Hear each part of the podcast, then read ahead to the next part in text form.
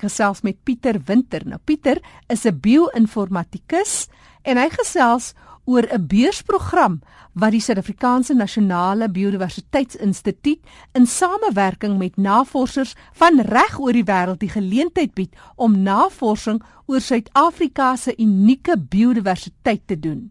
Pieter is by die afdeling vir toegepaste biodiversiteitsnavorsing by die Kirstenbos Botaniese Tuin en vertel ons meer spesifiek oor wat dit is wat hulle hier doen. SANB het 'n mandaat uh, wat geskep is in 2004 met die nasionale omgewingswetgewing om navorsing te bevorder op die Suid-Afrikaanse biodiversiteit. Ons het twee navorsingsafdelings. Een is gemik op suiwer taksonomiese navorsing uh, klassifikasie van plante en diere. In hierdie geval is dit toegepaste navorsing, dit so dit kyk meer na ekologiese prosesse. In hierdie geval die projek het gehandel oor skoenlappers en hulle interaksies met plante. En uh, biodiversiteit word gedefinieer as die totaliteit van plant en dierspesies, maar ook die ekologiese prosesse wat baie belangrik is. Ja, dit is in 'n netedopie wat wat ons hierso doen. In Suid-Afrika het ons heelwat herbarias wat beteken daar's omtrent van elke plantspesies 'n eksemplaar en dan ook 'n beskrywing van hierdie spesifieke spesies Pieter. Dit is waar waarvoor ons mik. Oor die algemeen kan ek sê dat ons is 99% daar. Maar dit is verbasend en en min mense besef hoeveel nuwe inligting daar nog daagliks bykom. Ons het elke jaar 'n klomp nuwe spesies wat beskryf word en vir elke van daai spesies word daar nuwe eksemplare versamel. Daar is sommige spesies wat bes beskryf is waar daar nog nie enige materiaal versamel is nie en die ander kant toe om ook waar ons materiaal het wat versamel is maar niemand kon dit nog identifiseer nie. Dit moet nog bestudeer word en 'n naam gegee word. So daar's nog baie werk om te doen om daai proses te bevorder. Die hartseer storie is dat daar selfs spesies is wat ons nie eers van weet nie wat op pad uit is of wat reeds al uitgesterf het. Op die oomblik is ons aan die begin van 'n voorspelde groot uitsterwing. So dit voel nog nie of dit of die skade so groot is nie. Maar ons ons sien dit gebeur.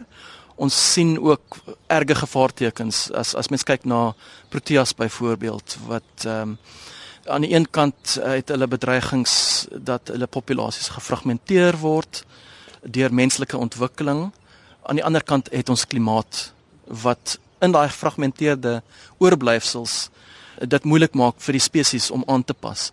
So so ja, klimaatsverandering is 'n groot bedreiging. Deur bewus in hierdie ding in te gaan, kan ons in 'n posisie wees om dit uh, teen te staan. En dit is juis danksy mense wat insig het, navorsers, wetenskaplikes wat eintlik hierdie hele kwessie van biodiversiteit verder wil bevorder deur middel van byvoorbeeld die David Rubenstein beursprogram en die erkenning wat juis hierdie jaar ook na Suid-Afrika gekom het. Vertel ons bietjie meer oor so 'n program. Die uh, Rubenstein beursprogram is gebaseer op 'n skenking wat David Rubenstein aan die Smithsonian Institution se National Museum of Natural History in die FSA in Washington bemaak het vir die doel van die ontwikkeling van biodiversiteitsdata en hoe om dit uh, ten gunste van bewaring aan te wend. Dit is uit die aard van die saak is dit 'n webwerf ehm um, wat dit moontlik maak om al die die inligting vir 'n bepaalde spesies soos die verspreiding, die korrekte naam en basiese fundamentele inligting oor die spesies word gehuisves op 'n op 'n webblad. Nou in die verlede was al daai inligting slegs in boeke en joernale beskikbaar en dit was moeilik omdat dit versprei is oor die totale spektrum van die literatuur. Is dit moeilik vir enige navorser of verbruiker om al daai inligting te bekom. So die die hoofdoel van die ensiklopedie van van lewe is om dit maklik te maak vir iemand om by een plek te gaan soek vir al daai inligting. Dit is 'n uh, 'n baie ambisieuse projek en dit sal nog baie werk verg om al die data bymekaar te kry, maar daar is al reeds oor 'n miljoen rekords in die database. So hulle maak goeie vordering daarmee. Praat so van goeie vordering. Dis juist as gevolg van hierdie David Rubenstein beursprojek dat daar soveel vordering gemaak is ten opsigte van Suid-Afrika se skoenlappertjies. Vertel ons meer van wat hier op eie bodem gebeur en die navorsing van hierdie wonderlike klein spesies. In hierdie geval het hulle spesifiek gekyk na bedreigde spesies en endemiese spesies in Suid-Afrika. Dit is nou skoenlapper spesies. En tesame daarmee het hulle ook gekyk na die voedselplante wat wat die larwes vreet. Voorbeelde is die broodbome en die skoenlapper larwes wat teer op die op broodbome. 'n Ander voorbeeld is die proteas omdat ons 'n goeie diversiteit van proteas het en van daai proteas het 'n baie baie spesifieke interaksie met 'n spesifieke skoenlapper larf hulle kyk na verspreidings van beide die skoenlappers sowel as die die plante wat die skoenlappers opteer. Om die interaksies te verstaan het hulle hulle toegespits op veral die skoenlappers wat endemies is tot 'n klein area of op plant voorkom wat endemies is tot 'n klein area of wat bedreig is. En die voorbeeld was dan die die broodbome en die en die proteas. Baie interessant want hierso omtrent uh 5 meter verder van die gebou af weg staan daar 'n uh, paar klein boontjies en een van hulle is die enigste voedselplant van hierdie skoenlapper. Dit is die wilde perskeboom, Kigelaria africana. En wat interessant is van hierdie plant is hy bevat 'n gifstof wat basies um, ons almal ken as sianiet. Die larwe van die skoenlapper leef op hierdie boom en is een van die min insekte wat bestand is teen hierdie gifstof. Op sy beurt kan hierdie larwe dan die senet gebruik vir sy eie beskerming. So daar's nie baie voëls wat geneig sal wees om hierdie skoenlapper larwe te vreet nie. Daar is een of twee voëls wat dit uh, wel kan vreet, maar dit is 'n baie effektiewe beskerming. En wat ons nou sien is dat die larwes het nou klaar gevreet en hulle is nou reg om in hulle papie stadium in te gaan. In die natuur sou hulle waarskynlik uh, teen boomstamme opgeklim het of teen kraanse In hierdie geval klim hulle vandag teen hierdie drie verdieping geboue se mure uit en dis verbasend hoe baie daar daarvan is. Binnekort verwag ons dat dat die die volwasse skoenlappers sal begin uitkom. Ons kan reeds 'n paar skoenlappers hier voor ons sien wat al al klaar weet terug is op pad na die die die boom om, om miskien om om te gaan eiers lê. As 'n plantkundige kan ek vir jou sê dat skoenlappers 'n baie essensiële rol speel in natuurlik die bestuiving van blomme. En ons het nou aan die ene kant die interaksie tussen die die voedselplant en die skoenlapper larwe.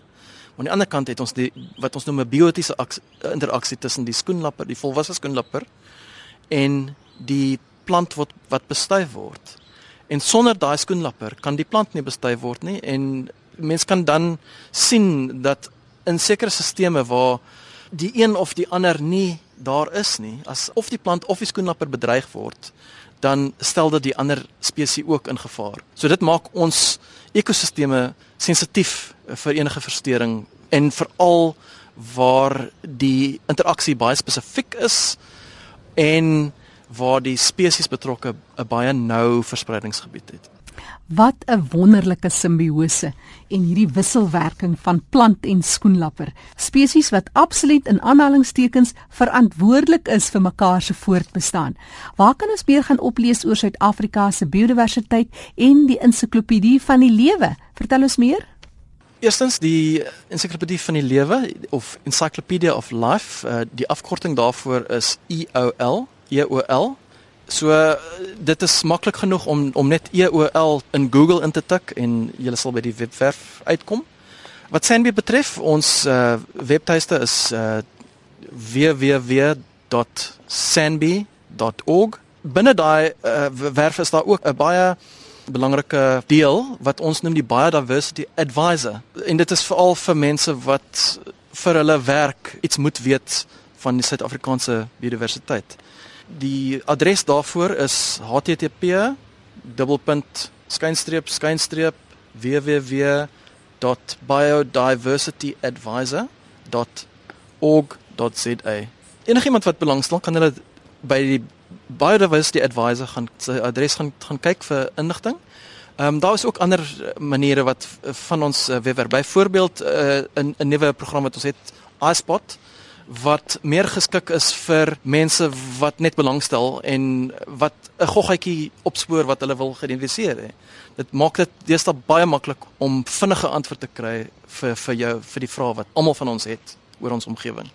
So volgende keer as jy 'n wurm of 'n insek sien en dink dit is dalk skadelik, wag eers so 'n bietjie, moenie net begin spuit nie, gifstowwe toedien nie.